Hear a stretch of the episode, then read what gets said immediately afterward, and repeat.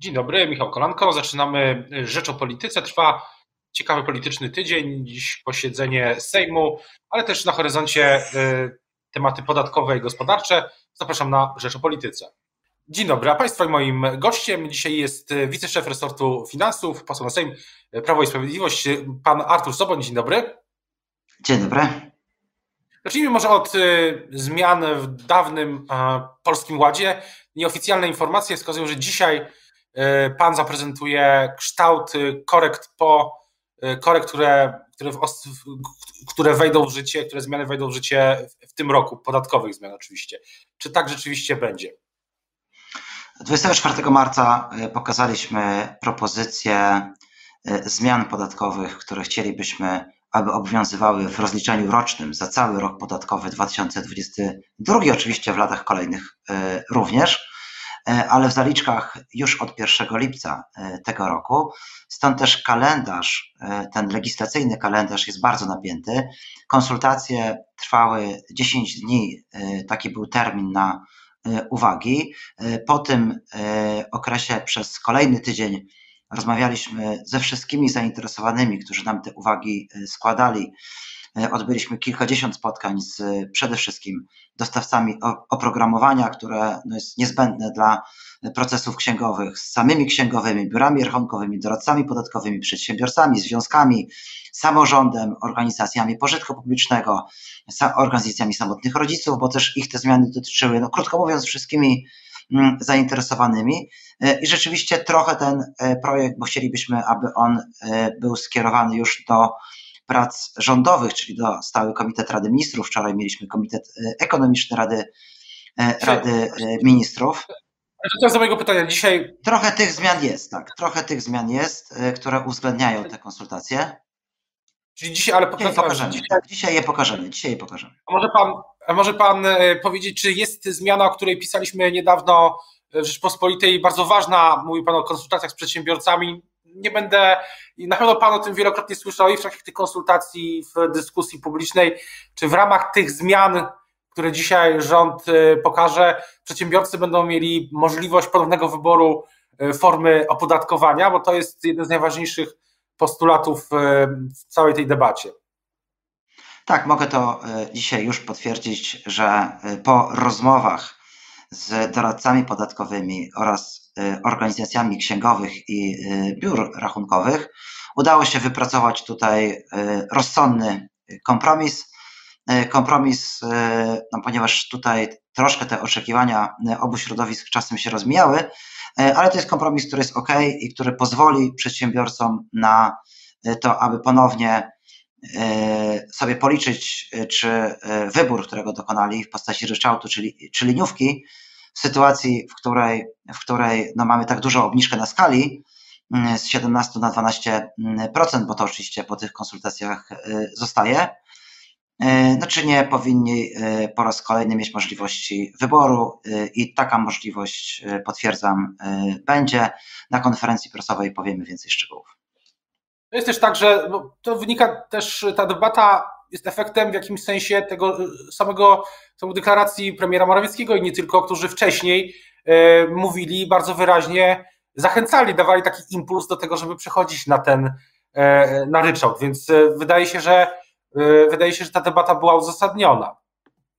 Tak, to znaczy tu ja nie mam wątpliwości co do tego, że gramy fair i jedna i druga strona, no jeśli zmieniamy warunki gry, E, no to oczywiście powinniśmy dać, dać możliwość e, ponownego wyboru. Mówiłem o tym od samego początku, ale jednocześnie zastrzegałem się, że daliśmy wszystkim, którzy takiego wyboru dokonali, bardziej korzystne e, warunki. W związku z tym no nie było sytuacji, w której byłaby jakakolwiek grupa przedsiębiorców, czy na karcie nawet ta najmniejsza, czy na ryczałcie, czy na liniówce, czy na skali, która by nie skorzystała na tych zmianach, a same zmiany jednak wiążą się z koniecznością e, zmian w księgach od 1 stycznia 2022 roku, no, które nie są takie błahe, no bo one dotyczą nie tylko samego podatku teraz, ale także e, składek, więc e, to jest jednak coś, co będzie mm, nie taką prostą operacją i na pewno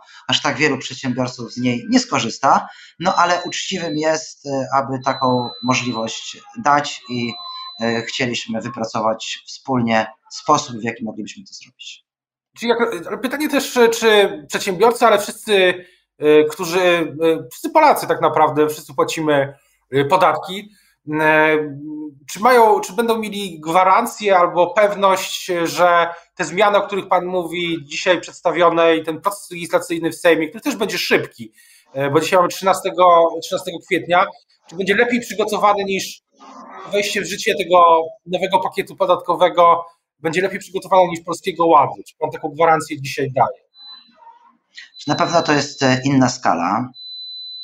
E, nie mówimy, e, jakby nawet tak objętościowo, to jest dziesiąta część e, polskiego, polskiego ładu.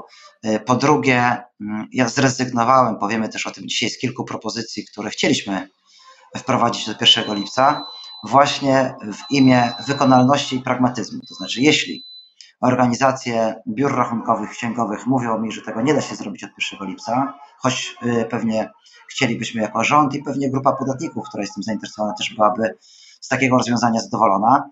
E, jednego czy drugiego, no bo na przykład w innym e, mówią nam dostawcy oprogramowania, my tak szybko nie zmienimy systemu w tym zakresie, no to te zmiany przekładamy po prostu z 1 lipca na 1 stycznia i to jest też wynik tych konsultacji, więc ja nie powiem oczywiście, że nic, e, co będzie wywoływało perturbacje, e, skoro mamy milion dwieście tysięcy płatników e, podatku, którzy nam te podatki rozliczają dla 25 milionów podatników PIT, że nigdzie nic się nie wydarzy i nie będzie z tym żadnych kłopotów, ale robimy wszystko, aby tego typu kłopotów unikać. Pan, mówi pan o 1 stycznia przyszłego roku, roku to też jest rok wyborczy i pytanie tylko, ale już abstrahując od wyborów, czy Y, jaki system podatkowy będzie tego 1 stycznia obowiązywał? Bo można, można mieć takie wrażenie, że będą obowiązywały trzy. Ten pierwotna wersja Polskiego Ładu, zmiany do Polskiego Ładu, które y, zaprezentował premier Morawiecki zimą, no i ten nowy system, o którym w szczegółach ma Pan powiedzieć dziś i który teraz idzie do, trafi do Sejmu w najbliższych tygodniach. To znaczy, precyzyjnie y, to taką sytuację trochę mamy dzisiaj. To znaczy, y, mamy dzisiaj dualizm zaliczkowy y, i sytuację, w której, mm, no, jeśli ktoś by chciał tak rzeczywiście publicystycznie trochę złośliwie to podsumować, to mógłby powiedzieć, że mamy dwa systemy pobierania podatków w zaliczkach, no bo i ten polskoładowy, i ten liczony z uwzględnieniem tych zasad z roku ubiegłego, ale to skończy się 1 lipca tego roku, bo ujednolicimy system zaliczek. To będzie system zaliczek, który ci, którzy płacą podatki, ci, którzy odprowadzają za nas e, te podatki do e, budżetu państwa, dobrze znają. E, najkrócej mówiąc, polega on na tym, że od przychodu odliczamy koszty uzyskania przychodu, wyjmujemy składki z podstawy E, opodatkowania, to podstawę mnożymy przez stawkę, no, tym razem 12%, odejmujemy kwotę zmniejszającą podatek, czyli mm, tą jedną dwunastą kwoty wolnej i mamy zaliczkę na podatek. Więc ten system będzie zrozumiały e, i e, znany i on będzie jeden już od 1 lipca. Po 1 stycznia on będzie obowiązywał dokładnie tak samo jak po 1 lipca w zaliczkach, e, natomiast no, będzie o tyle prostsze, że już będzie jasne również, że tak samo jest w rozliczeniu rocznym, bo tutaj no, oczywiście do końca czerwca jesteśmy w tym systemie, który dzisiaj e, obowiązuje. Natomiast ja zawsze powtarzam w tego typu sytuacji, że tworząc e, te zmiany w Polskim Ładzie, które teraz proponujemy, te zmiany w systemie podatkowym PIT, myśleliśmy o roku 2023, ale okazały się tak dobre, że wprowadzamy je już w 2022. No, myślę, że myślę, że też tych uzasadnień tego wprowadzenia szybszego jest, jest więcej, ale jest pytanie, dlaczego w ogóle, a czy w ogóle, dlaczego rząd, bo ja mam takie wrażenie, że pan, pan premier Morawiecki i inni politycy rządu yy, no, rezygnują w ogóle z tego określenia Polski Ład. Czy ono stało się już tak niepopularne, że, woli pan się, że państwo wolą się nim tak yy, specjalnie już nie chwalić? To jest jakby koniec tego pojęcia? Uczciwie mówiąc, kilkakrotnie zdaje się wspominałem Polski Łata. Gdzieś przeczytałem, że reaguje na to sformułowanie alergicznie. To nieprawda. Podwójne zresztą, bo nie tylko nie reaguje, ale te zmiany są komplementarne do tych, które wprowadziliśmy z dniem 1 stycznia. E, to znaczy one sprawiają, że liczba tych podatników, którzy nie płacą w Polsce e, podatku, jeszcze wzrasta.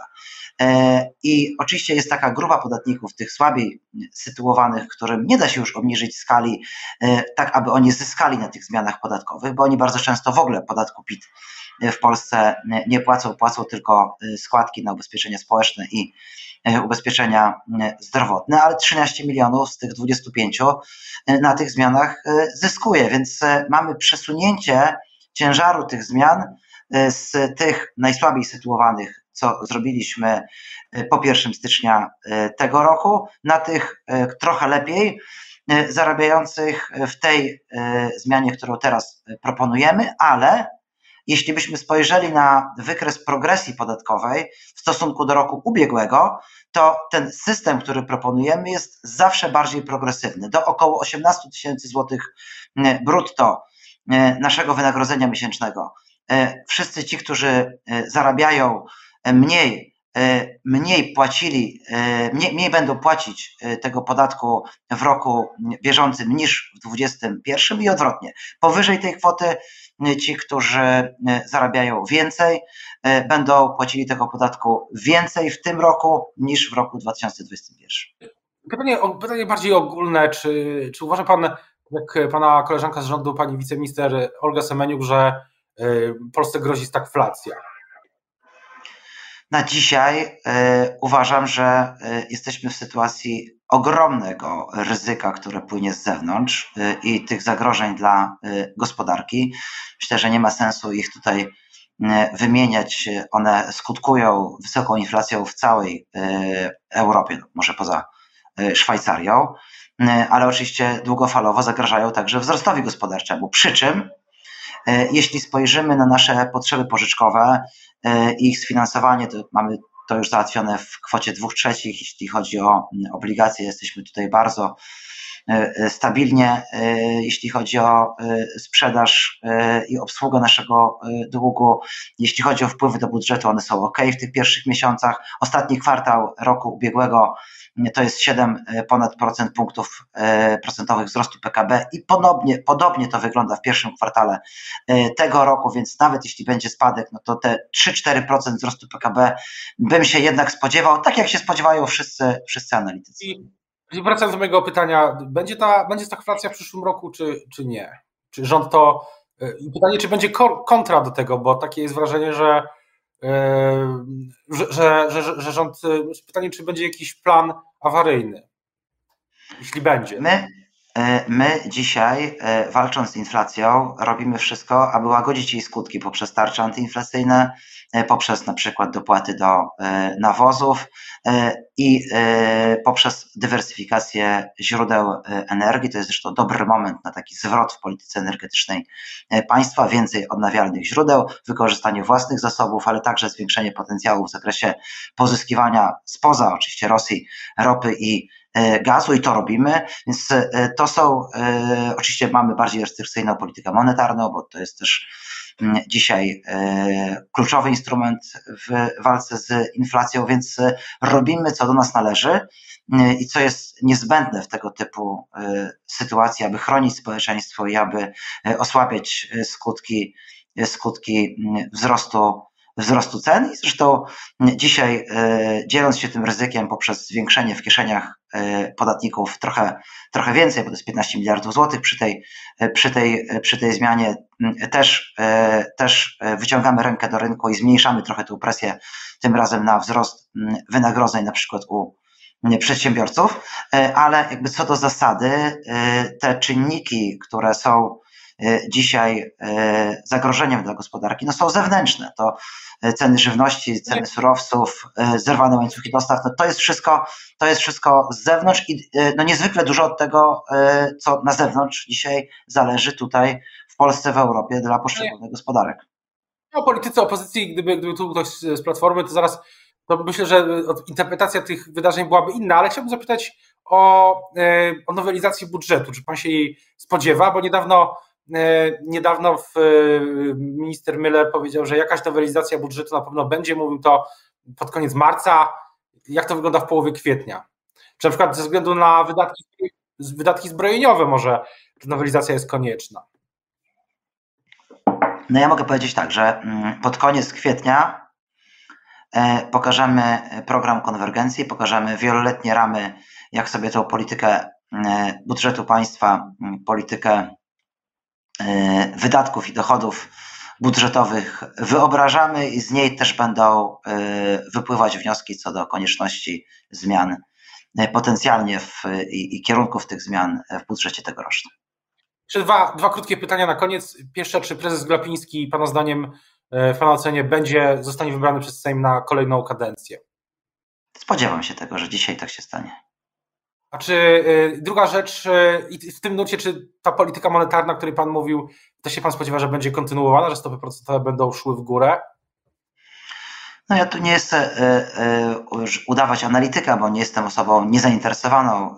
Bank Centralny powinien mieć tutaj swobodę w ocenie sytuacji jest całkowicie niezależny od rządu. Natomiast ja widzę tutaj jednak od wielu miesięcy konsekwentne wypowiedzi pana prezesa Narodowego y, Banku y, Polskiego i nie tylko słowa, ale czyny za tym idące, więc nie spodziewam się tutaj, aby nastąpiła jakakolwiek zmiana. Zupełnie na koniec, czy w takim razie rząd, pan Ministerstwo Finansów myślą, takie były też nieoficjalne informacje, o jakimś planie wsparcia dla tych, którzy będą, cierpią, będą cierpieć na w konsekwencji podwyższenia stóp. Mamy y, do tego instrument, y, który y, może być użyteczny dla kredytobiorców, jeśli go będzie trzeba kalibrować tak, aby, aby odpowiadał sytuacji, no to oczywiście gotowi jesteśmy to zrobić. Analizujemy tą sytuację wnikliwie, natomiast mamy narzędzie, które może być użyte, które już obowiązuje zresztą. Zamrożenie, stopy, zamrożenie tej stopy WIBOR też jest na stole?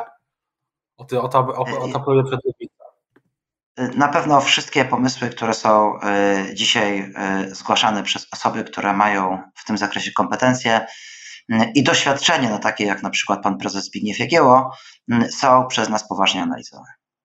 Dziękuję bardzo Państwa i moim e, gościem dzisiaj był wiceminister finansów e, Prawa i Sprawiedliwości, poseł na Sejm Artur Soboń. Dziękuję bardzo. Dziękuję.